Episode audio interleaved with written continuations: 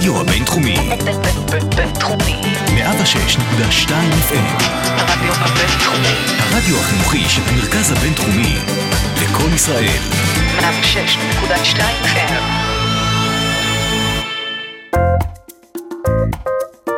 השעה הבינתחומית. פודקאסט שמחדד את המוח. עם שי קלוט. צהריים טובים לכל המאזינים שלנו, תודה שהצטרפתם אלינו. אני שי קלוט, אתם על השעה הבינתחומית, תוכנית האקדמיה של הרדיו הבינתחומי 106.2 FM, וכבכל תוכנית אני מראיינת אה, את אחד מהמרצים, מהחוקרים, כאן במרכז הבינתחומי, והיום נמצא איתי פרופסור צחי אנדור, שהוא סגן הדיקן היוצא של בית הספר ברוך איפצ'ר לפסיכולוגיה. אה, פרופסור אנדור חוקר אישיות, ולאחרונה גם גנטיקה בתחום חדש של אפי גנטיקה, שגם על זה נדבר היום, על פרויקט מיוחד שהוא לוקח בו חלק עכשיו. אז באמת צהריים טובים, צחי, מה נשמע? בסדר גמור. יופי, איזה כיף שהגעת. כנ"ל, כיף להיות פה. אה, אז באמת, אה, כפי שציינתי, אתה לוקח חלק במחקר בתחום חדש, משהו שרק עכשיו אתה באמת מתחיל לחקור. אז בוא תסביר לנו איך הגעת לתחום החדש הזה, כי עד עכשיו באמת התעסקת בתחומים קצת אחרים, אז תסביר מה עשית ואיך הגעת לחידוש. באופן, באופן היסטורי הייתי פריק של, של אבולוציה, פריק של אה, פסיכולוגיה אבולוציונית, מה יצר אותנו, איך אנחנו כפי שאנחנו היום, ובעיקר בעקבות אה, ספר שקראתי שהייתי ילד, גן האנוכי של ריצ'רד דוקינס, שמשווה אותנו למעין מכוניות, שאנחנו כגוף אה, זה מכונית, ומה שמניע אותנו זה הגנטיקה שנמצאת מאחורה. אבל כ- כחוקר התחלתי מתחום אחר, אני הייתי פסיכולוג, אבל איפשהו תמיד בצבץ הרעיונות האבולוציוניים של מה מניע אותנו. ומתוך אה, מחקר על אישיות, הבנתי שהתיאוריות הנוכחיות מסוגלות להסביר חלק מסוים מאוד, שרובן הולכות ל... אם אנחנו נדע מי גידל אותך ונדע בדיוק מה הסביבה שהייתה, אנחנו נוכל לנבא מי אתה היום, האם אתה אמפתי או חרד או שמח או עצוב. אבל עד כמה שאנחנו יודעים לעשות את זה טוב, אנחנו מצליחים להסביר אולי שליש ממי שאנחנו. זהו, שליש. שליש. אז בשנות האלפיים יש פרץ של uh, תקווה על ידי פרויקט הגנום האנושי, שאמור למפות בדיוק אחד לאחד את הקוד שכותב אותנו, לכאורה הבלופרינט של מי שאנחנו. המון חוקרים, המון כסף, אנחנו מפענחים את כל הגנום האנושי. אומרת, כשאנחנו מנסים להשתמש בזה כדי לעזור לניבוי של מי אנחנו בפסיכולוגיה, אנחנו מצליחים להסביר עוד שברירים של, של מידע, ואנחנו מגלים שיש חור שחור מאוד גדול שאנחנו לא מצליחים לנבא אותו. ואם אנחנו לא מצליחים באמצעות סביבה ובאמצעות גנטיקה, חסר לנו משהו, ב... משהו באמצע. משהו באמצע. משהו שקושר בין הגנטיקה וההתנהגות. וזה תחום חדש שנקרא אפיג גנטיקה. שבעצם, כפי שאתה מתאר אותו, זה שילוב גם של הטכנולוגיה שעזרה, אה, ההתפתחות של הטכנולוגיה שעזרה להבין שחסר התחום הזה, שבעזרתו אפשר להסביר הרבה תהליכים בהתפתחות אישיותית של, אה, של אנשים בעצם. נכון. אמנם כבר בשנות ה-40 הייתה תובנה שיש משהו שקושר בין הגנטיקה לבין ההתנהגות, אבל לא כל כך הבינו מה זה, או מה הרכיבים האלה. וממש בעשור האחרון מתחילות תובנות חדשות שיש איזשהו תהליך ביולוגי שיוצר את מי אנחנו. הוא יוצר לא רק את הנטיות ה... נניח נטיות להשמנה או נטיות למחלות מסוימות, אבל הוא גם יוצר אותנו, את הנפש שלנו, את, מי אנחנו, שאנחנו קוראים נניח, אני יכול לקרוא לעצמי צחי, אז מי אני? התובנה של מי אני, האישיות שלי, גם היא נוצרת על ידי אותם תהליכים, ששוב נקראים אפי גנטיים, אפי מהמילה על, על הגנים. זה איזה שהם רכיבים שיודעים לומר לגוף, את הגן הזה אתה צריך לקרוא ואת הגן הזה לא, ודרך זה אנחנו יוצרים מעין יצירה חדשה שנקראת אישיות שלנו, או כל הדבר הזה שנקרא אדם. אז באמת אנחנו מסבירים רגע מה זה אפי גנטיקה לעומת גנים באופן אה, באמת השוואתי, אז אולי נסביר קודם מה זה גנים. אוקיי, אז בואו ניקח אה, דוגמה של תאומים.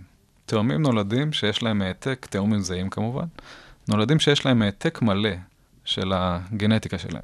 כל התאים שלהם יש להם את אותו העתק בדיוק, והם uh, בפועל שכפול, האחד של, של השני. ואנחנו יודעים מהמון מקרים שתאומים אפילו שגדלים באותו בית, הם לא מתנהגים אותו דבר, והם לעיתים נראים בהתנהגות קצת אחרת. אחד יכול להיות מאוד חברותי והשני מופנם. ואחד יכול אה, לרצות להיות משהו אחד ומשהו אחר, ואחד עושה קעקוע והשני לא. זאת אומרת, בהתנהגות הם מתחילים להיות שונים. מה שאנחנו לומדים מתוך המחקרים האלה על תאומים זהים, שהם לא רק בהתנהגות שונים. בסוף, מה שיש מתחת לאור שלהם, האופן שבו ה-DNA שלהם נקרא, על אף שזה אותו העתק, יש להם בדיוק את אותו קופי, ה-DNA לא השתנה, אבל האופן שבו הגוף קורא אותו הפך להיות שונה, ולכן ביולוגית הם גם שונים אחד מהשני בסיכומו של תהליך. כל מה שיוצר את זה נקרא תהליך של אפיגנטיקה. ומה משפיע באמת על האופן שבו הגנים נקראים אחרת? זה המפגש עם הסביבה. בהתחלה אנחנו נולדים עם יכולת. הטבע היה מאוד חכם. אנחנו נולדים עם גנטיקה שהופכת אותנו לבני אדם. אותו בן אדם שאנחנו קוראים לו הומו ספיאנס. אבל אני לא יודע אם אני איוולד בישראל, או באופן ספציפי באזור uh, קשוח יותר, כמו עוטף עזה, או שאני איוולד בתל אביב, או שאני איוולד בקוויבק, או בסקוטלנד, או בדרום אפריקה, או בכל מקום אחר. זו אותה גנטיקה. עכשיו, כדי שהגוף יוכל להתמודד עם המקומות השונים, אורך יום שונה, סטרסורים שונים, לחצים שונים וכולי, אנחנו צריכים להיות גמישים. והטבע גם העניק לנו את הגמישות הזאת, והיא מתבטאת בזה שבמפגש עם הסביבה, הגנטיקה שלנו מתחילה להיקרא אחרת. ובואו ניקח דוגמה על ילדי הדרום. ילדי הדרום צריכים להתמודד עם סטרס. הם צריכים להתמודד לא כמשהו שלילי במובן הפסיכיאטרי, הם צריכים להתמודד כדי לשרוד. נכון, זה המצב הנתון שהם חיים בו. נכון, ואז הגוף שלהם צריכים להכין אותם אחרת מאשר אם היו, אותה גנטיקה הייתה נולדת בתל אביב לצורך העניין. ולכן מה שקורה שם זה תהליכים שמשנים למשל את האופן שבו מערכת הסטרס עובדת, המערכת לחץ. כי כדי לשרוד צריך לשמר לחץ לאורך זמן, ואז יש מערכות שמתיישבות על מערכת הסטרס ואומרות לה, אל תיכבי, תישארי פעילה לאורך זמן. ואנחנו יודעים בגנטיקה לזהות את המערכת שאומרת, זה אותו קוד גנטי. אבל לילדי הדרום היא אומרת, אל תיכבי, ולכן הם חשים סטרס לאורך זמן. זה גורם להם לשרידות יותר גבוהה, כלומר זה, זה סטגלני, זה טוב, אבל יש לזה מחירים נפשיים. ואתה כמובן. נותן פה באמת דוגמה של ילדים, אז המערכת הזאת יודעת לסגל את עצמה עד כדי כך מהר? זה תהליכים ש... שמתרחשים בחלונות זמן יחסית קצרים, יכולים להתרחש כבר ב... בתקופת העוברות, והם יכולים גם לעבור לנו בירושה מההורים שלנו, מתוך תובנה ש... האזור שבו אני כהורה חי, למשל, אני כהורה, אני פיזית כהורה, צחי, אנחנו גרים באזור שקרוב לעוטף עזה. וברגע שאני חש סביבה מסוימת, באופן טבעי, הטבע יהיה חכם אם הוא יביא מראש את הילדים שלי להיות בעלי תבנית שמתמודדת עם לחץ. כלומר, אני לא רק מעניק להם גנטיקה, אני מעניק להם את היכולת של איך הגנום ייקרא כדי שהם יוכלו לשרוד. עכשיו בואו ניקח דוגמה של מחקר שנעשה. אז מחקר שנעשה, והדברים וה, שמשפיעים עלינו, נקדים את זה, הדברים שמשפיעים עלינו הם בדרך כלל, לצערנו, דברים שליליים. זה דברים שקשורים ללחץ, דברים שקשורים להיעדר תזונה וכולי. עכשיו, מחקר שנעשה בשוודיה, בשוודיה היו תקופות שאזורים מבודדים, שהיית שורד על פי מה שהצלחת לגדל. אז היו שנים שלא אכלת הרבה, שנים של רעב, ושנים שהיה הרבה אוכל. ומה שהם עושים שם במחקר, הם משווים בין ילדים שחיו בתקופות של, גדלו בהתחלה, בשנים הראשונות, בתקופות של רעב, ומה קורה בתקופה הבוגרת? האם זו תקופה שפע או נשארת תקופת רעב? ומה שהם מגלים זה שילד בתקופת רעב, שהוא נולד בתקופת רעב, הגנטיקה הייתה כזו שאמרה לו, אתה עכשיו הולך לאכול כל מנה שתגיע אליך, ואתה הולך לשמור הכל בשכבות שומן. הגוף הסתגל לסיטואציה של הרעב, ובעצם הכין את עצמו למאגרים של אנרגיה שהוא, שתהיה זמינה לו. יותר מזה, הוא עוד לא הכין, כי אותו אדם היה רק בבטן.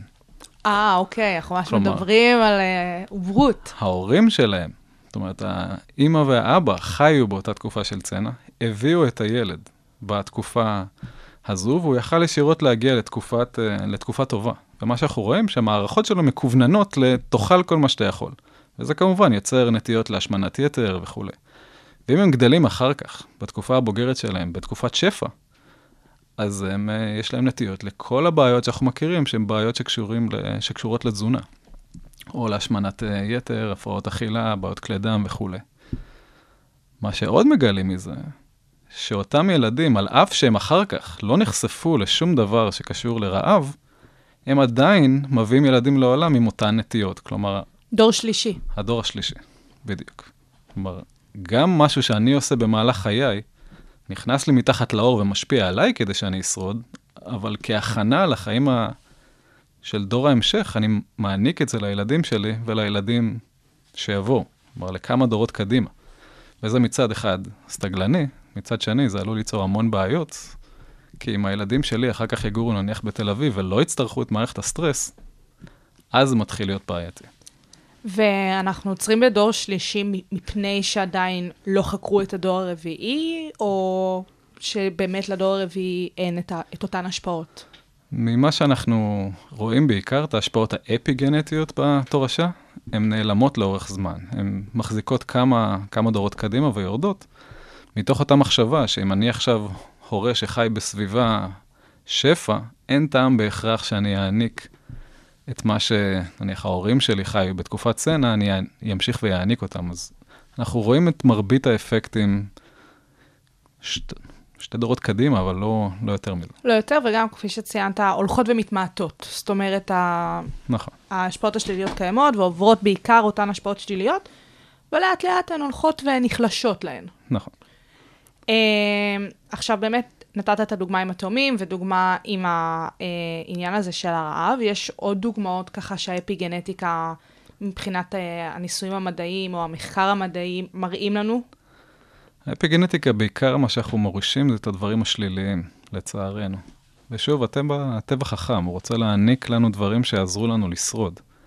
אז אנחנו מעניקים uh, בעיות מטאבוליות, בעיות שקשורות לתקופות של uh, שפע ו, ורעב. אנחנו מעניקים, לצערנו, חרדות וסטרס, כלומר, אימא שחיה בסטרס גבוה במהלך ההיריון, היא תעניק מוכנות לסטרס גבוה לילדים שלה, והילדים שלה יכולים להיות יותר חרדתיים, יותר קופצניים במפגש עם סטרס וכולי. ואנחנו גם uh, מעניקים דברים שהם עושים שינויים מוכרים בגנטיקה, כמו בעקבות uh, עישון, התמכרות לקוקאין וכולי. אנחנו מעניקים מה שאנחנו קוראים להם פרידיספוזיציות, זה מעין את האפשרות להיות גם uh, בעצמך עם איזה שהן בעיות ב, בעתיד. פוטנציאל לבעיה. בדיוק. Uh, מתי התחיל באמת חקר האפיגנטיקה? אתה דיברת באמת על חקר הגנום האנושי, שהתחיל איפשהו בשנת, uh, בתחילות שנות האלפיים, מבחינת uh, באמת העניין של uh, התרגום של uh, אותו קוד גנטי. והאפיגנטיקה, מתי באמת שמו את האצבע על זה שיש את הגורם הזה שמשפיע על בני האדם? חשבו כבר בשנות ה-40 שאמור להיות את הגורם המקשר הזה, אבל תובנת התהליכים, התובנה העמוקה באמת של התהליכים והמחקר שמראה אותה, זה לחלוטין כמעט בעשור, עשור וחצי האחרון, מהמון מודלים שמתחילים בבעלי חיים. קשה לבצע מחקרים קשה לבצע ניסויים, כי זה לא אתי בשינויים הגנטיים על בני אדם. המחקרים מתחילים בבעלי חיים, בעיקר על מכרסמים. סביב שנת 2010 אנחנו מתחילים לקבל תובנות ראשוניות עד כמה זה חשוב, ומ-2010, ששוב, ממש העשור האחרון, זה פריצה היסטרית בכל התחום, בעיקר אה, בהשפעות של זה על סרטן, בהשמנת יתר ואי אילו אנומליות אחרות. ואתה לוקח את זה לכיוון הנפשי. נכון. אז בוא באמת תספר לנו על פרויקט אלפא ואיפה אתה נכנס בתוך כל התחום הזה של חקר האפיגנטיקה. אוקיי. מרבית, ה, מרבית המחקר שנעשה והתובנות שנעשו זה תובנות לגבי דברים שליליים. אנחנו יודעים שזה עלול לגרום לסרטן. אנחנו היום יודעים לזהות אי אילו אנומליות באפיגנטיקה, כלומר רכשת את זה במהלך החיים, ואנחנו יודעים שזה קשור לסרטן. אנחנו יודעים שזה קשור לאנומליות שליליות גם בנפש, כמו אה, ADHD, הפרעת קשב וריכוז. יש המון מחקר על איך זה יוצר. מה שאנחנו לא יודעים, ומה שמחקר פחות מתעניין בו, זה בדברים החיוביים. אנחנו לא יודעים, אנחנו לא יודעים איך נוצרת למשל הנטייה להיות אדם אמפתי, או הנטייה להיות אדם עניו, או אדם חברותי, או אדם מופנם וכולי. כל הנטיות האלה שבפועל יוצרים את מי שאנחנו, כן התובנה היא, מכיוון שהן נמשכות לאורך זמן, שהן עדיין יצירה ביולוגית, אפי-גנטית כלשהי, ואין כמעט מחקר שנוגע איפה זה נמצא בגנום. זאת אומרת שמבחינתכם, מעבר לגורמים הסביבתיים, שכבר הזכרנו אה, בתחילת השיחה שלנו, יש גם את הרכיב הביולוגי הזה, שיכול להשפיע מעבר לדברים השליליים, כי באמת הזכרנו כבר את העניין שאפיגנטיקה בעיקר מיוחסת לתכונות שליליות של אנשים. אז כן, גם לאותן תכונות שהזכרת עכשיו, יש איזשהו גורם ביולוגי שיכול להשפיע על זה, ועדיין לא יודעים מהו. זה האמונה, זה לא גורם ביולוגי במובן שיהיה גן שבהכרח יהפוך אותי להיות אדם אמפתי יותר או פחות. אלא אם אנחנו מאמינים שכחלק מהמפגש עם הסביבה, אדם אה, מייצר תכונות אופי, ואופי זה הרי תכונה עקבית לאורך זמן. אם התכונה היא עקבית, היא ככל הנראה עקבית בגלל שיש משהו, שינוי בביולוגיה שלי שמכוון אותי, כי זה למשל סתגלני להיות אה, אמפתי, אז זה מכוון אותי להיות אמפתי יותר או פחות, או להיות חרד יותר או פחות, או להיות מאושר יותר או פחות כנטייה. אנחנו מאמינים שהנטיות האלה יושבות לנו איפשהו בגנום, אבל אנחנו עוד לא יודעים למצוא אותן, אנחנו עוד לא יודעים איפה זה בדיוק יושב. אז איך מחפשים? מתחילים בלעשות משהו, או ניסיון לעשות משהו מאוד גרנדיוזי. ומאוד גרנדיוזי, זה אומר שאנחנו צריכים להתחיל מההתחלה. אנחנו או. מנסים לקחת קבוצה מאוד גדולה של אנשים, 1,500 זוגות צעירים, שיהיו טרם ההיריון הראשון שלהם, כלומר לתפוס אותם לפני תחילת ה... הקמת המשפחה. אנחנו נלמד מי הם, אנחנו נלמד גם באינטראקציות זוגיות ביניהם, מצולמות, גם על ידי שאלונים, אבל גם ניקח דגימת רוק לא פולשנית, ודרכה אנחנו יודעים היום לפלח את ה... גם הקוד שבונה אותך, אבל גם האפי-גנטיקה שלך, כלומר, מי אתה. ודרך זה שאנחנו לוקחים את המידע הגנטי, אבל אנחנו לוקחים את הצד הפסיכולוגי, כמו השיחות והיכולת להיות רגיש אחד לשני, ותגובתי ואמפתי וכולי, אנחנו יכולים להצליב אחד עם השני. ואז אנחנו יוצאים למסע ארוך שנים של 22 שנה, שבו אנחנו נעקוב אחריהם במהלך ההיריון הראשון. אנחנו נראה מה ההתרחשות שם, כדי לדעת היטב מה קרה לפני שהילד הראשון שלהם נולד. ועם הלידה של הילד נלווה אותם ל-20 שנה, עד שהילד בן 20. על הדרך אנחנו אוספים המון מידעים פסיכולוגיים, כולל צילומים והסתכלויות שאנחנו יודעים לעשות היטב היום בפסיכולוגיה, אבל טרם יש לנו את היכולת לעשות את ההצלבה עם הגנטיקה. ודרך ההסתכלות דווקא על הנורמה, מה שיוצר את כל הדבר הזה שנקרא אישיות, וההצלבה של הגנטיקה איתה, אנחנו נוכל לייצר מפה של איפה בדיוק זה אמפתיה, איפה בדיוק יושב אושר כדבר תכונתי, לא כדבר רגעי. איפה יושב חברותיות כדבר תכונתי ולא כדבר רגעי. אז אתה בעצם מדבר על פרויקט, על מחקר שהוא רק בחיתוליו, נכון? זאת אומרת, העניין הזה שלקחת את אותן 1,500 זוגות צעירים, זה משהו שאתם עושים עכשיו, נכון? זה לגמרי עכשיו, עכשיו זה אומר שאנחנו בתוך חודש, חודש וחצי יוצאים. יש את ההתארגנויות האחרונות והתרגשות רבה וצוות uh, של סטודנטים מהבינתחומי שעובד על זה. ולקראת uh, יציאה, וכשנצליח, אז השמיים יהיו גבול. אז אתם, איך אתם מושכים אליכם את אותם אנשים, את אותם uh, חבר'ה שתבדקו? אנחנו מנסים בעיקר לרתום במובן הרגשי. כלומר, התובנה כמה זה, כמה זה חשוב ומה הפוטנציאל של הידע של אנשים שילכו איתנו כשותפים לדרך עם תובנות שנאסוף לאורך זמן. ובנוסף לתרומה הזאת שאנחנו נקבל מהם, והם uh, ייתנו לנו, מה שאנחנו מנסים להחזיר חזרה זה בין השאר ידע. ידע על השלבים השונים בחיים, החל מההתחלה, שאנחנו ניתן uh, ידע על uh, זוגיות ומה נכון ולא נכון שמתרחש שם, ידע על מהלך הריון וגידול ילדים, ואז נוכל ללוות גם מחקרית ולהזין חזרה את אותם זוגות שילכו איתנו לאורך דרך של 22 שנה. זה נראה לי נורא קשה לעשות את זה ככה לאורך המון המון שנים באמת. מאוד קשה, קשה בצורה כזאת שבסדר גודל של מחקר כזה, עם כמות המידעים הפסיכולוגיים והגנטיים שנעשו, עוד לא נעשה פרויקט כזה. אז uh, הסיכויים, uh, הסיכויים נגדנו, זה נקרא high risk, אבל אנחנו משוכנעים שיש לנו את היכולת לעשות.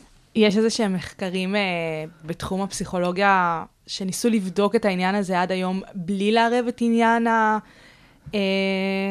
האפיגנטיקה הזה? זאת אומרת, ניסו לקחת את התפיסה הזאת של יש איזשהו גורם שנותן לאנשים תכונות אופי מסוימות שהן לאו דווקא אפיגנטיקה? כן, שוב, יש, נעשו המון מחקרים, מחקרים מצוינים, חלקם נעשו גם על ידי חוקרים מהבינתחומי. יש המון מחקרים, יש מחקרי אורך שמלווים עם uh, צילומים של ההורים עצמם וההתנהגות עם ההורה, ומלווים לאורך זמן ורואים את ההתפתחות, ושם אנחנו יכולים ללמוד המון מהסביבה, איך היא משפיעה על התפתחות הילד. יש מחקרים שמוסיפים גנטיקה עם זה, מסתכלים על הקוד ורואים איך הקוד הגנטי שנולדת איתו קשור לה, להתנהגות. אבל משהו שמשלב את הכל עם התובנה שבסוף האפי-גנטיקה היא זו שיוצרת את המבנים האלה, זה משהו שטרם נעשה. ולמה זה בעצם חשוב לבדוק את זה? למה חשוב לדעת מאיפה תכונות אופי נובעות? בואו בוא ניקח את זה לקיצון, ונאמר שיש תכונה מאוד לא רצויה, וזה יכול להיות תכונה כמו התמכרות לסם קשה או להתנהגות מאוד uh, קשה, שאתה תרצה להיפטר ממנה, ופיזית מאוד מאוד מורכב. היום ישנן טכנולוגיות שהן אומנם, שוב, נמצאות בחיתולין שלהן, טכנולוגיות שבשם uh, קיצור נקראות קריספר, שמאפשרות שינוי גנטי. הן מאפשרות גם החלפה של מקטע גנטי מסוים, ואתה יכול לגמרי ליצור הנדסה גנטית, שיש לזה המון שאלות אתיות שנמצאות היום בקדמת השיח המדעי, אבל גם יכולות לשנות את האפי-גנטיקה המסוימת הזאת. ונאמר שניקח דוגמה של התמכרות קשה מאוד להרואין, ואתה רוצה להיפטר ממנה, ברגע שאנחנו יודעים לזהות את המקום שבו ההתמכרות הזאת נוצרת, איפה היא משנה לך בגנטיקה, אנחנו יכולים גם לשנות אותה, להחזיר את התהליך אחורה, בעיקר שהתהליך הוא אפי-גנטי, ובעיקר שאנחנו לא חייבים לשנות את הקוד. אז אם אנחנו נדע לזהות גם דברים שליליים, אבל גם דברים חיוביים, נוכל באמצעים אחרי שיח מאוד uh, חשוב שמתקיים היום, על איפה הגבולות שאנחנו צריכים להתעסק זהו, עם זה. יש פה עניין קצת אתי. לגמרי. ובדרך כלל טכנולוגיה מקדימה את השיח האתי עליה. כי היום, שוב, יש טכנולוגיות ויש מקומות שניתן uh, לרכוש טכנולוגיות יחסית בזול, שמסוגלות לשחלף, כלומר להחליף מקטעים מה, מהגנטיקה. המדע עוד לא שם. המדע יודע לעשות, יודע לעשות את זה. היום יש uh, ניסויים בבני אדם שנעשים בתחום של רפואה, אבל הם עדיין בודדים. בשנת 2019 יש ניסוי אחד, למשל, בתחום הסרטן, שמתקיים בארצות הברית, על האם ניתן להחליף מקטע גנטי שגורם לך, לכל האנומליה הסרטנית הזאת, להחליף אותו. אז אחד בארצות הברית, שבעה שמתקיימים בסין, אבל זה הכל. אבל הטכנולוגיה קיימת. בעוד עשור יהיו כבר טכנולוגיות שמאפשרות לשנות גנטיקה שלנו ולשנות אפי-גנטיקה שלנו. איפה עושים, איך משנים, לאיזה כיוון, זה שיח שחייב אתית להתקיים, אבל ברגע שהטכנולוגיה שם, כדי לעשות את זה, למשל, כדי להחליף מקטע של DNA, לא מספיק לדעת מה זה רע. צריך גם לדעת מה זה טוב ולאן אתה רוצה ללכת. נכון.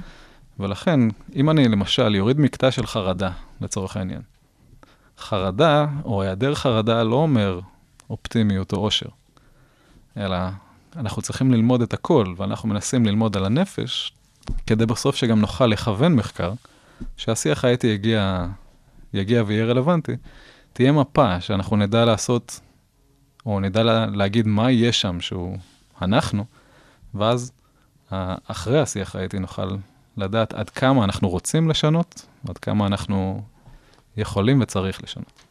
אז אתה מדבר על המחקר שאתם עושים uh, פה במסגרת המרכז הבינתחומי, אבל האם אפשר גם לחקור כבר אנשים קיימים, את ה... נגיד, אתם עכשיו רוצים לבדוק uh, שני דורות, גם את הזוגות הצעירים וגם את הצאצאים שלהם, אבל האם אפשר לקחת נגיד את ההורים שלי ואותי ולבדוק אותנו ולראות באמת את האפיגנטיקה שלי?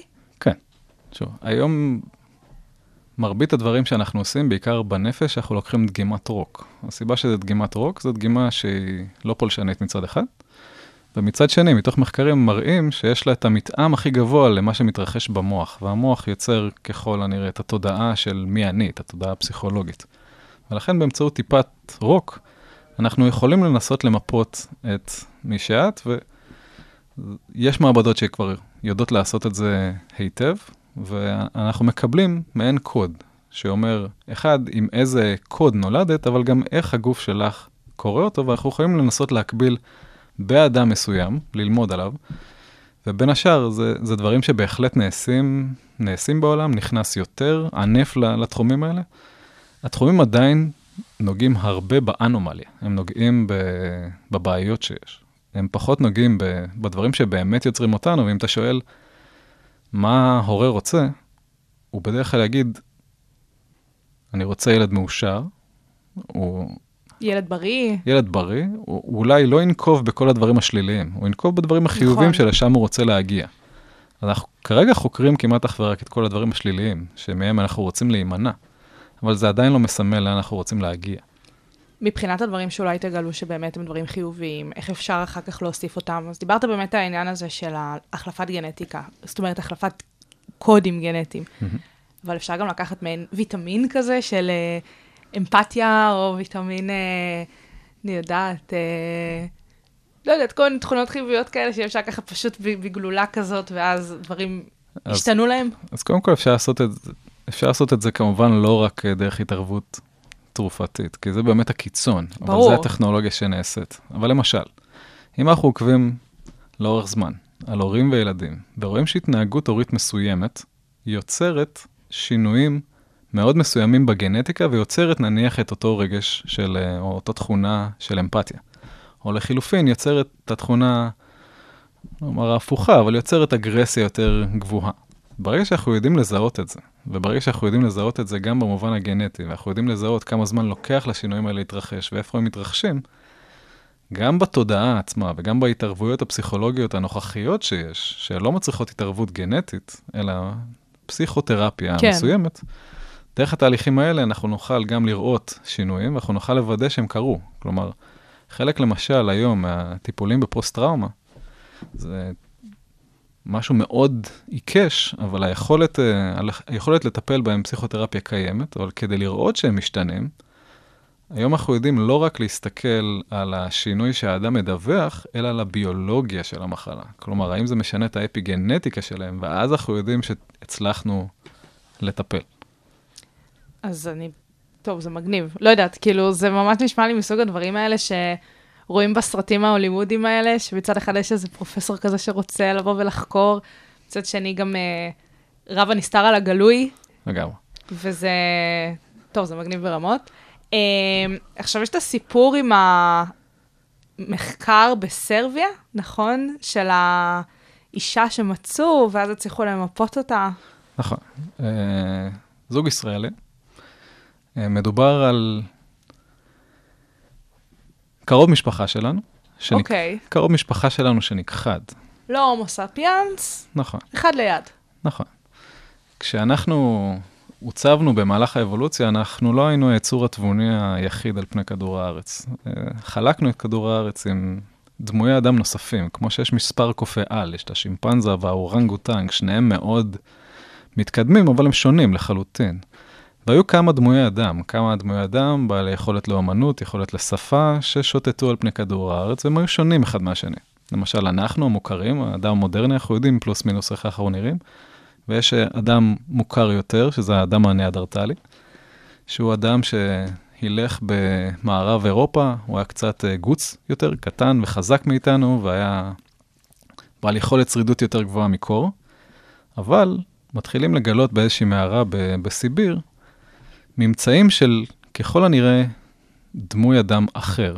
הם נקראים האדם הדניסבי על שם המערה של דניס. זה הנזיר שגר שם במערה. יש כמה שכבות במערה. והשכבה מספר 11 היא שכבה מאוד מעניינת, כי מצד אחד אנחנו מוצאים ארטיפקטים, כמו יצירות כאלה, כמו שרשרות וכולי, שלכאורה לא מתאימים ביכולת הטכנולוגית לדמויי אדם שאנחנו מכירים, אבל אז אנחנו מוצאים שם שתי שיניים טוחנות, ו...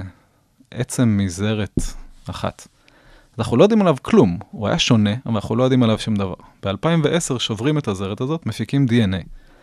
ודרך ה-DNA לומדים שזה דמוי אדם חדש שלא נתקלנו בו, אבל אנחנו לא יודעים לשחזר אותו, אנחנו לא יודעים מי הוא, איך הוא נראה, איפה הוא היה, מה הוא מתנהג. וזוג חוקרים מהאוניברסיטה העברית, באמצעות אה, צוות נוסף, אומרים, רגע, יש לנו רעיון. מה שאנחנו נוכל לעשות זה לקחת את המפה האפי-גנטית של השלד. כי אפי-גנטיקה, למשל, תאמר עד כמה הלסת שלנו תהיה רחבה או צרה. כי יותר או פחות אפי-גנטיקה יעשה לנו לסת יותר צרה, יותר ארוכה. ואנחנו רואים שהקוד הוא מאוד מאוד דומה. 99% מהקוד שלנו ושל האדם הזה הוא, הוא זהה. מה ששונה זה האפי-גנטיקה. הם יוצרים מפה של השלד, והם יודעים לשחזר פתאום איך האדם הזה היה נראה. מה שאנחנו למשל נוכל אה, לנסות לעשות בפרויקט אלפא, אז אם נדע ליצור מפה של הנפש, ובאמצעות האפי-גנטיקה הזו, אנחנו נוכל לשחזר, למשל, את הנפש של אותו, אותו יצור, את הנפש של אבות אבותינו, באמצעות אותה מפה. אז האפשרות היא כמובן גם ללכת קדימה לעתיד ולדעת איך אנחנו יכולים להשפיע על הילדים שלנו ולהפוך אולי את העולם לטוב יותר, אבל גם אפשר ללכת אחורה. ולמה ולש... זה מעניין אותנו ללכת אחורה? הרבה ממה שאנחנו זה איפה שהיינו. זה ה... למה אנחנו כאן? למה למשל ההומו ספיאנס, אנחנו האדם המודרני, הוא האדם האחרון התבוני על פני כדור הארץ? האם זה בגלל שיש לנו נטיות שהן יותר אלימות, או שפשוט היינו יותר... אה, בזמן, טוב... במקום הנכון, בזמן הנכון כזה, ו... לגמרי. וזהו פשוט. נכון, ואם נוכל לשחזר למשל את האישיות של מי שהיינו, על ידי הפרופיל האפיגנטי הזה, ואת האישיות של ה... מי שהיו דומים לנו, למשל למצוא שאנחנו היינו משמעותית יצור יותר חברתי מהם. אז אולי זה החברותיות והשיתוף פעולה שיעזרו לנו. אבל אם אנחנו מוצאים שהיינו גם יותר אגרסיביים מהם, למשל, זה יעיד אולי על סיפור אחר. שוב, היום אנחנו מסתכלים המון, או יודעים לשחזר המון מתוך הגוף. אנחנו יודעים לשחזר מעט מאוד מתוך הנפש. יש עכשיו מחקרים שבאמת בודקים אז את אותם יצורים מהעבר, את אותם הומו ספיאנס ובני דודינו שנמצאו שרידים מהעבר, וככה אפשר לבדוק את ה... באמת היבטים הנפשיים וככה לעשות את אותה מפה? בנפש אני לא מכיר. בגוף יש לנו כבר יותר. כן, בגוף בוודאי. בגוף בוודאי יש לנו יותר ויותר מידעים, אמנם הם לא ענפים, כי אין לנו הרבה זיכרונות או שאריות מאותם דמויי אדם אחרים, אבל אנחנו כן יודעים לשחזר יותר ויותר מבחינת הגוף, בין השאר הודות לפריצות טכנולוגיות של השנים האחרונות. אבל מכיוון שרוב המחקר מסתכל על, על הגוף, ופחות מהמחקר מסתכל על הנפש, ובסוף, שוב, אנחנו יצורים נפשיים, אנחנו יצורים שיותר מעסיק אותנו מי אנחנו ודימוי גוף, שזה גם אפרופו משהו של uh, פסיכולוגיה ולא הפיזיקה, או הפיזיולוגיה שלנו. המחקר כמעט שלא מסתכל על הנתיבים האלה, או השאלות האלה, מי, מי אנחנו ומה יוצר אותנו כפי, כפי שאנחנו ברמה הביולוגית. ואם נדע לעשות את הפריצת דרך הזאת, אז אנחנו נוכל לומר הרבה דברים חדשים בעבר, ואולי גם על העתיד. כמה פרטים צריך לבדוק במסגרת כאלה מחקרים בשביל להשליך על קבוצה שלמה? זו שאלה מצוינת. בדרך כלל במחקרים שהולכים אחורה בזמן, אנחנו משתמשים במה שיש לנו.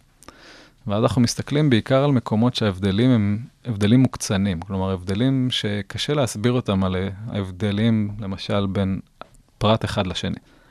אז אם יש הבדלים שהם מאוד מאוד גדולים, הבדלים בין, נאמר, פי שתיים מבחינת השינוי, או פי שתיים מבחינת שינוי הפרופיל האפיגנטי, אז אנחנו נוכל לומר, ההבדל הזה כנראה לא נובע מזה שדגמתי פרט, אה, פרט מסוים מה, מהעבר. בבני אדם היום, למשל פרויקט אלפא, אנחנו יוצאים מתוך תובנה שלא מספיק לנו לבדוק קבוצה קטנה של אנשים, כדי להגיע באמת לתובנה עמוקה ולמפות משהו כל כך מורכב, כמו היצירה הפסיכולוגית, או מי אנחנו, אנחנו צריכים קבוצה מאוד גדולה של אנשים, צריכים המון מידע והמון משאבים אה, שכליים ואחרים כדי להגיע למסקנות האלה, ולכן שם אנחנו הולכים על מדגם עצום של 1,500 זוגות שנלווה.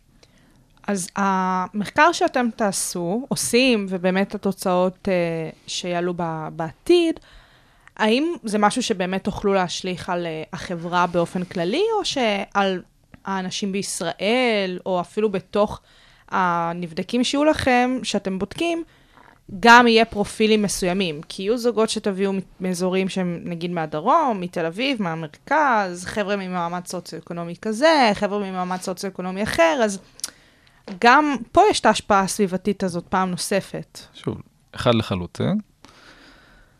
זו שאלה מצוינת, ואין לה תשובה מוחלטת. אנחנו כן לוקחים בשאיפה משהו שייצג את ישראל. האם אנחנו יכולים להשליך את זה למערב? האם אנחנו יכולים להשליך את זה רק לישראל? האם אנחנו יכולים להשליך את זה באופן גלובלי? התשובה, אנחנו לא יודעים. ולכן השאיפה היא שהתובנות או הדברים שאנחנו נעשה ילהיבו אחרים ויהיה פרויקט בטא בארצות הברית, ויהיה פרויקט אה, גמא בסין ויהיה פרויקט אה, דלתא במקום אחר, ואז רק דרך משאב בין תרבותי אנחנו נוכל להגיע לתובנה האמיתית של מי אנחנו כבני אדם. כרגע אנחנו אכן ממפים משהו מאוד ישראלי. השונות הפנימית שאת מדברת עליה היא שונות הכרחית במחקר. כלומר, רק, על, רק אם נהיה שונים פסיכולוגית, אנחנו נוכל להתאים לזה את השונות הגנטית. אז דווקא את השונות זה משהו שאנחנו מחפשים במחקר. ואתה מדבר על זה שאתם מקווים שזה באמת אה, יתפרס לשאר העולם. אה, כמה ממד הזמן חשוב פה? זאת אומרת, אתם תתחילו עם המחקר הזה וחוקרים אחרים מבוסטון יתלהבו, מבייג'ין, או באמת לא משנה איפה על פני הגלובוס. אה, מה טווח הזמן הנכון שבו הם יתחילו את המחקרים מהצד שלהם בשביל באמת להשוות בין הנתונים ולהראות מגמות מסוימות? כי אם הם יתחילו את זה עוד 20 שנה רק, האם זה עדיין יראה את ההבדלים בקטע באמת ריאלי, או שלאו דווקא? שוב, כמובן, שוב, שאלות מצוינות שאין לנו תשובות מוחלטות לגביהן. אנחנו יודעים שיש השפעה מהסביבה על, ה, על הגנטיקה, אפרופו מה... וכמובן על האפי-גנטיקה, אפרופו השינויים הגלובליים שאנחנו חשים מבחינת התחממות וכולי, מה יהיה עוד 20 שנה? שאלה מצוינת. מה יהיה מבחינת התנאי מזון? שאלה נהדרת, אנחנו לא יודעים. נכון. אנחנו כן מנסים ללמוד איך הסביבה משפיעה על הגנטיקה, וככל הנראה, מכיוון שכולנו הומו ספיאנס, זה ישפיע באופן די דומה. אנחנו כן צריכים לראות כמה השפעה תרבותית שנעשית. אז גם אם אנחנו עכשיו אה, מנביטים פרויקט כזה, אם אה, בשאיפה נוכל להדביט, להנביט אה, פרויקטים נוספים בתחום, במקומות נוספים, גם אם לא נתחיל בדיוק באותו תזמון, זה עדיין יהיה מצוין. ואנחנו רוצים כמה שיותר מהר. אנחנו, אנחנו קודם כל אנחנו רוצים שאנשים יתלהבו עם מה שאנחנו עושים. אני חושב שכל חוקר יש לו שאיפה כזאת, שאם אתה מתלהב, ויש קבוצה גדולה של סטודנטים שמתלהבים ממה ש, שעושים ביחד, אז שגם אחרים יראו ויגידו, יש בזה משהו, אנחנו צריכים גם אנחנו לחקור. אמ, איזה פרטים אתם מקבלים מהנבדקים שלכם בנוגע אליהם, גם מבחינה אישיותית או גם מבחינה פיזית, שחשובים למחקר? אנחנו מנסים ללמוד המון על הנפש, ולכן אנחנו מנסים ללמוד גם באופן דינמי וגם באופן סטטי, והאופן שזה אומר, ראשית יש, התפתחו במהלך השנים המון שאלונים לדיווח עצמי, שאלונים שמסוגלים לומר לנו משהו על הבעיות הנפשיות מצד אחד, ועל תחושות כמו רווחה, זוגיות טובה, שביעות רצון, האישיות שלנו וכולי. אבל מכיוון שאנחנו רוצים לחקור התנהגות ופסיכולוגיה, אנחנו משתמשים גם בתצפיות. אנחנו נגיע לזוגות וניתן להם לעשות שיח ביניהם, אם זה על זוגיות, אם זה על דברים שיש אה, ויכוחים במהלך היום-יום, ומזה אנחנו יודעים ללמוד לא מעט. על התגובתיות הרגשית, יכולת לזהות על רגשות וכולי. מתוך כל המידעים האלה, אנחנו נוכל להצליב את הגנטיקה וללמוד המון על הקשר הזה בין גנטיקה, אפי גנטיקה ומי אנחנו בפועל. ומשם, עם התחלת הבנייה, אנחנו גם נשפר יכולות וטכנולוגיות שאנחנו משתמשים בהן, ונוכל ליישם אותן לאורך הדרך ולהעביר את זה הלאה. אז אתם תיקחו את אותה דגימת רוק שהזכרת קודם לכן, תצפיות אה, מסוגים שונים, ולאורך כמה זמן באמת תעשו את אותן בדיקות? אנחנו מתכוונים קודם כל לפגוש את ה... זוגות לפני ההיריון הראשון. והסיבה לפני ההיריון הראשון שאנחנו רוצים גם לתפוס תהליכים שמתרחשים, או אנחנו חושבים שמתרחשים, בקרב ההורים. למשל, מדובר הרבה על מיתוס כן או לא טפשת הריון. אוקיי. Okay. אז בהיריון הראשון, יש ככל הנראה אינדיקציות שיש דבר כזה, טפשת הריון, וזה לא לגמרי טפשת, אלא מה שקורה, שהמוח של האישה באופן ספציפי עובר חיווט מחדש כדי להכין אותה לאימהות. לכל הדבר הזה שנקרא אימא, גם במובן הפיזי, אבל גם במובן הפסיכולוגי, להפוך אותה ליותר חדה, ליותר חרדה, לצערנו, מצד שני גם ליותר אמפתית.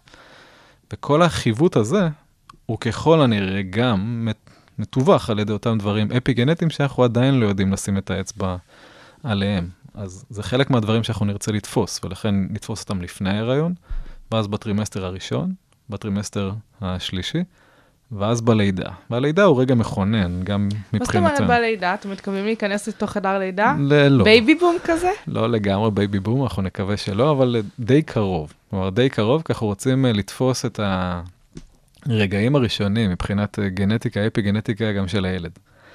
ו...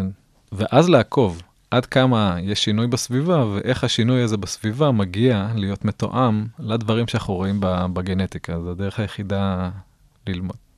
אז ממש אה, איך שהעובר יוצא לאוויר העולם ונהיה לו תינוק, אתם כבר מתכוונים אה, ללכת, לקחת ממנו דגימת רוק. גם, ולכן זה רוק. ולכן זה רוק באופן לא פולשני, זה נעשה עם מעין פט גאזה כזה, שהתינוק רק נושך, ומזה אנחנו מפיקים. את הרוק. אבל כן, אבל את ההורים האלה אנחנו כבר נלווה לעתים שנה, לעתים יותר. אולי לעוד הריונות, אולי uh, בהמשך או... כמובן. יכול להיות, אנחנו עדיין לא יודעים. השאיפה שלנו, גם זאת שאיפה מאוד מאוד גדולה במחקר. לבדוק הבדלים בין ילדים או בין הריונות, זה בעיניי מטורף. נכון, יש, יש השפעות של אה, סדר האחים, יש השפעות של ההפרשים בין האחים, מה זה בדיוק אה, יריבות בין אחים ומה היא יוצרת. יש המון המון שאלות שהפרויקט הזה יוכל לנסות ולהשיב. ובאמת, כבר יש לכם את הנבדקים, זאת אומרת, אתם יודעים שהם נכנסים לתוך המסע הזה. לא, זה... הלוואי, אנחנו עוד לא שם. אה, אוקיי. אנחנו מתכוונים בתוך כחודש אה, לצאת ולהתחיל לאסוף. אנחנו גם בשלבי הכנות אחרונות מבחינת הצוות. אנחנו בשלבי קבלת אישורים אחרונים, כמו האישורים האתיים שנדרשים למחקר כזה, ובתוך חודש בשאיפה אנחנו נצא בפרסום של המחקר. ואז נתחיל לאסוף את אותם 1,500 זוגות. קול קורא לזוגות צעירים. קול קורא לזוגות צעירים להשפיע, להשפיע על העתיד שלהם ושלנו. זה כן. נראה לי ממש מגניב. אני, אם הייתי חולה, הייתי משתתפת. לצערי, אני לא, לא נמצאת בקבוצת המחקר, אבל זה ממש ממש מגניב. Uh, מה אתה מקווה לגלות, מעבר לעניין הזה של חוץ מהשפעות שליליות, גם השפעות uh, אחרות? שוב, היכולת ליצור איזושהי מפה, שבאמצעות רוק אני אוכל להגיד, uh, האדם שמדדתי לו את הרוק הוא מדד, אדם אמפתי, או האדם שמדדתי לו את הרוק הוא אדם חברותי, בלי להכיר את האדם לפני כן, זה יכולת שאין לנו כזאת היום. עכשיו ניקח את זה שוב לאופן קיצון למקרה השני. ב... בארצות הברית הייתה תקופה שהיו רוצחים סדרתיים ולא היה דרך לתפוס אותם. ומה שה-FBI עשו, הם הקימו יחידה מיוחדת, יחידה פסיכולוגית, שניסתה ליצור פרופיל.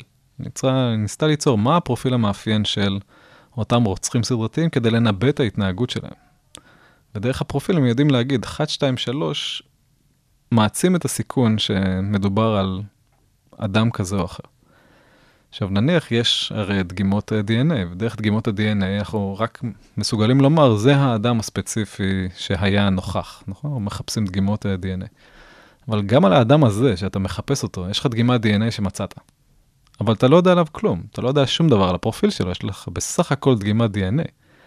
אם אנחנו נדע ליצור מפה של הנפש, דגימת ה-DNA הזאת לא רק תגיד, זה האדם שאתה מחפש, ואם במקרה תיתקל, תוכל להצליב את הדגימה ולדעת, או, oh, הוא האדם שביצע, אלא תוכל מראש ליצור פרופיל.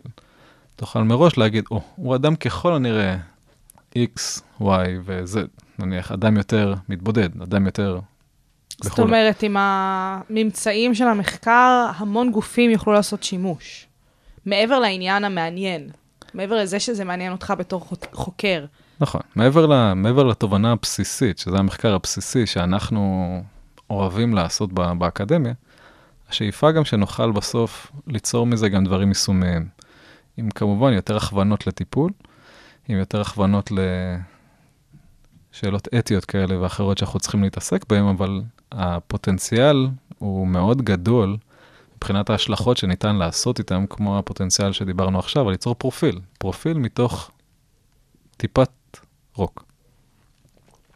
ומהבחינה הזאתי, מעבר לעניין של מי יעשה בזה שימוש, אלא מהבחינה של איזה אנשים אתם לוקחים איתכם במחקר, חוץ כמובן מהאנשים שאתם בודקים, אלא האנשים שבאמת יעזרו לכם לבדוק.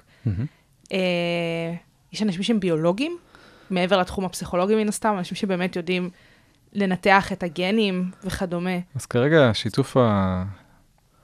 שיתוף הפעולה נעשה גם שלנו כמבינים, לא, לא נאמר גדולים, אבל אנחנו מבינים בפסיכולוגיה, מבינים בנפש, שיש אותי, שאני יותר מתמחה בתחום של אישיות, פסיכולוגיה חברתית, וגם יש לי מחקרים שעשיתי בגנטיקה ואפיגנטיקה, אבל אני לא המומחה, אכן. יש לי שותפה כאן מהמרכז הבינתחומי, פרופסור ענת שושני, שנותנת את כל הצד הקליני, כלומר, אותן תובנות של התפתחות, אבל גם לכיוונים של האבנורמה, ויש שותפים אירופאים למחקר, חוקרי מוח בעיקר, כדי שאנחנו נדע בדיוק מה קורה במוח מבחינת התהליכים האלה, ואז יש קשר בין המעבדות כדי ללמוד איך השינויים גם קשורים לשינויים שמתרחשים במוח. יש לנו שותפים מבית חולים זיו בצפת, על מנת גם להבין את ההתפתחות מהבחינה היותר רפואית, גנטית, זאת אומרת, זה גם גנטיקאים, גם רופאים שעוסקים בה. בתהליך, וזה מערב לחלוטין בין תחומיות במובן המחקרי של זה, כי זה לא פרויקט לאדם אחד. לא, זה לא נשמע כמו פרויקט לאדם אחד. לא, לא. זה גם כמה דורות של uh, חוקרים, כן, יכול מר, להיות. מראש אנחנו מעניקים את ה... כן, לעת פרישה, מראש אנחנו נעניק את זה, את השרביט לאנשים שבשאיפה נכשיר, ויש פה סטודנטים נהדרים שעובדים על הפרויקט. ו... ואולי עוד יש חוקרים שבכלל עוד לא התחילו את הלימודים האקדמיים שלהם. סביר ש... מאוד. שימשיכו את המחקר בבוא העת. זה, זה מאוד מגניב, העניין הזה, שזה באמת הבין-תחומיות הזאת, שזה המון חוקרים מהמון תחומים. נכון. שזה באמת נותן את הערך המוסף של המחקר הזה. יש כבר היום באמת סוגי תכונות אופי שיודעים לסווג מבחינה גנטית? אנחנו יודעים להתחיל. יש תכונות אופי שיותר קל, וזה התכונות אופי היותר, שוב, שליליות, כי הן גם היותר נחקרות. אה, זה בגלל שהן יותר נחקרות, או שבאמת הן גם בולטות יותר לעין? לא יודעת, יכול להיות שהרצף הגנטי שלהן מאוד ברור, או... אני חושב שהן מכיוון שהן מאוד בסיסיות, למשל ניקח חרדה. מכיוון שהיא בסיסית ומאוד uh, הישרדותית, יש לנו מערכות מאוד סדורות שאנחנו יודעים שפועלים, שפועלות ואנחנו יודעים לזהות אותן. למשל מחקר uh, שאני הייתי שותף לו, שמנסה לזהות מה הפרופיל הזה של uh, חרדה, אז אנחנו מזהים את זה בשני רכיבים כרגע על הגנום מבחינת האפיגנטיקה, מה השתנה במהלך חיים שהפך אותם להיות חרדתיים. ואז אנחנו מזהים בעיקר שתי מערכות. מערכת אחת קשורה למערכת החברות. כי מה שאנחנו עושים בחרדה, אנחנו בדרך כלל לא פועלים לבד, אלא החרדה דוחפת אותנו לזרועות של אנשים אחרים. זה נקרא חיפוש קרבה, כדי, uh, מתוך מעין תובנה שהיכולת שה, שלנו לשרוד היא יכולת חברתית. ואז כשאנחנו חרדים, רואים את זה אצל ילדים, הם רצים לחיק ההורים שלהם. וגם אנחנו מתקבצים ב, בתקופות uh, כאלה. ואדם בעל נטייה חרדתית הוא אדם שמחפש המון את הקרבה החברתית הזו. אז זו מערכת אחת, מערכת שנשלטת בעיקר על ידי הורמון אחד מסוים שנקרא אוקסיטוצין. יש לו שלושה רכיבים בראש שאנחנו יודעים גנטית גם להגיע אליהם. מערכת אחרת זה מערכת הלחץ, כי מה שמאפיין חרדה זה שימור לחץ לאורך זמן. אותו תהליך שבעיקר או כל הזמן גורם למערכת לפעול, או לא נותן לה להיכבות בסוף. ויש גנטיקה שמתחילה מתחילה את התהליך, ויש גנטיקה שאמורה לסיים את התהליך. ומתוך מחקר אנחנו מזהים גם דפוסים של אה, אפי גנטיקה על שתי המערכות האלה, שככל הנראה לא נולדת איתן, כן. אבל ככל הנראה נוצרו במפגש עם הסביבה הראשונית והפכו אותך להיות חרד, כי זה יהיה יעיל לך. מה שאנחנו עוד לא יודעים, למשל, במחקרים כאלה, זה האם אנחנו מורישים את הנטייה ההורית הזאת, של חרדה. אנחנו יודעים שאנחנו יכולים להוריש סטרס, אבל האם אנחנו יכולים להוריש תכונה אישיותית במובן האפיגנטי, זו שאלה פתוחה. ובין השאר אנחנו נוכל אולי להשיב עליה בפרויקט אלפא. יש הרבה דיבור בעת האחרונה על העניין הזה שמבחינה רפואית, אה, הרבה פעמים אין התאמה בין בדיקות או מחקרים שעושים על גברים לעומת נשים. נכון. אה, כי בסופו של דבר, גברים ונשים זה לא אותו דבר, זו לא אותה מכונה. אה, איך המחקר שלכם הולך להתייחס לעניין הזה? שאתם ממש לוקחים 50-50 גברים-נשים, כי זה בסופו של דבר 1,500 זוגות. נכון. אה, שוב, שאלה טובה, זו לא השאלה העיקרית שלנו. לא, ברור, זה כי- משהו שמתלווה למחקר. נכון. בחלק מהתכונות, הן תכונות שלא משויכות בהכרח לגבר או אישה, במובן ה... גם המגדרי וגם המיני. למשל, על אף שאנחנו יכולים לומר שיש לעתים נטיות של הפרעות חרדה יותר לנשים מאשר לגברים, כמאפיין אישיותי אנחנו לא מוצאים הבדלים, על אף שאולי הסטריאוטיפ יגיד שכן. ה- וואלה. אנחנו לא מוצאים, ב, למשל, מאפיין אחד שנקרא חרדה ב, בהתקשרות, שזה חרדה בין אישית, עד כמה אני דואג מהיחסים שלי. אנחנו כמעט שלא מוצאים הבדלים בקרב מבוגרים בפערים בין גברים ונשים, על אף, שוב, סטריאוטיפ יגיד, נשים חרדות. ולחילופין, יש נטייה אחרת שהיא נטייה להיות קצת א-חברתי, כלומר, נטייה להתרחק, להיות יותר מופנם, להיות... שזו נטייה, אתה אומר, גבר. ושוב, אנחנו לא מוצאים במאפיין אישיותי הזה. באמת לא? לא. אוקיי. לא משהו שלא לא חזק, ואם ההבדל אה, נמצא, הוא הבדל פעוט. ולכן יש כן סטריאוטיפ שנניח אישה מצופה במובן המגדרי להיות יותר חרדתית וגבר יותר עם פאסון, אבל ככל הנראה זו יצירה אולי תרבותית, אבל מחקרית אנחנו לא מוצאים באמת ההבדלים. אז הרבה ממה שאנחנו נחפש זה משהו שמדבר על אדם ולא על מגדר, לפחות במובן של הנפש. אתם הולכים לסווג את כל תכונות האופי שבעולם? אנחנו הולכים להתחיל. אוקיי. כן. אנחנו הולכים, אה, אנחנו מתחילים בעיקר לשים עין על מבנה האישיות שלנו. שמה זה אומר? כי אישיות זה משהו שהוא בעיניי כל כך רב-גוני, נכון. ובאמת גם כל כך, כל אחד והאישיות שלו, כמו שאתה אמרת בהתחלה, אתה זה צחי, צחי זה משהו שהוא מאוד אינדיבידואלי, אז איך באמת מגדירים אישיות מהי? אישיות אנחנו יודעים בעקבות מחקר מאוד גדול שנעשה, שאנחנו יכולים לקטלג אישיות או לחמישה או לשישה גורמים. אוקיי, וזה נעשה מתוך זה שלקחו קבוצה מאוד גדולה של אנשים ואמרו להם, בוא תאמר מה מאפיין האישיות שלך. ואתה יכול להגיד, אה, אני עניו, אני אה, מתוח. זאת אני... אומרת משהו שמאוד סובייקטיבי, כל אה, אחד שנשאל, מה הוא עונה. לכאורה, נכון. אבל אז כשאנחנו לוקחים קבוצה מאוד גדולה של אנשים, אנחנו יכולים לראות שבסופו של דבר ניתן לחלק באופן אוניברסלי את כל טיפוסי האישיות לכשישה. למשל, הטיפוס הנוירוטי, הטיפוס שכל הזמן נמצא במתח קבוע וכולי, זה טיפוס שאנחנו יודעים לזהות אותו, והיום באמצעות שאלונים, אני יודע לומר למשל שאני ואת שונים ברמה מאוד מסוימת של, של נוירוטיות. זה מאפיין אחד. מאפיין שני זה אקסטרוורטיות, עד כמה אני מופנם חברתית, עד כמה אני outgoing כזה, חברותי וכולי, וזה עוד מימד שיודע לאפיין את, ה, את האישיות. אז יש שישה מאפיינים כאלה שאנחנו כן יודעים לסווג. אנחנו יוצאים מנקודת הנחה שמכיוון שהמאפיינים האלה הם קבועים באופן יחסי לאורך זמן, והם משתנים רק על ידי שינויים חיצוניים של הסביבה, זה מאוד מריח אפיגנטיקה. אבל קשה לנו עדיין לשים את האצבע, איך אתה נוצר דווקא מופנם? מה הייתה היצירה שהפכה אותך באופן להיות עקבי מופנם? והיצירה הזאת, אנחנו נחפש אותה מתוך פילוח, אנחנו עושים מעין אה, מחשבה. איזה תכונה מאפיינת אדם מופנם? למשל, הוא פחות חברותי, ואז אנחנו הולכים לגנטיקה שיוצרת חברותיות, ומחפשים את הפרופיל שמה כדי לעשות אחד ועוד אחד ולראות מה הפרופיל הזה שיוצר אותו. אז את הנבדקים שלכם, אתם הולכים להעביר את אותן, אה, את אותן שאלות אישיותיות האלה, שסיפרת עכשיו, ובנוסף, את אותם מבחנים ואותן בדיקות אה, אה, אפוגנטיות, נכון. שתעשו לאורך כל תקופת המחקר. נכון, אנחנו חוזרים על הבדיקות שוב ושוב. בכל מפגש אנחנו לוקחים גם טיפת רוק, כדי... אנחנו צריכים בעיקר פעם אחת כדי לפלח את הגנטיקה, את הקוד, ש...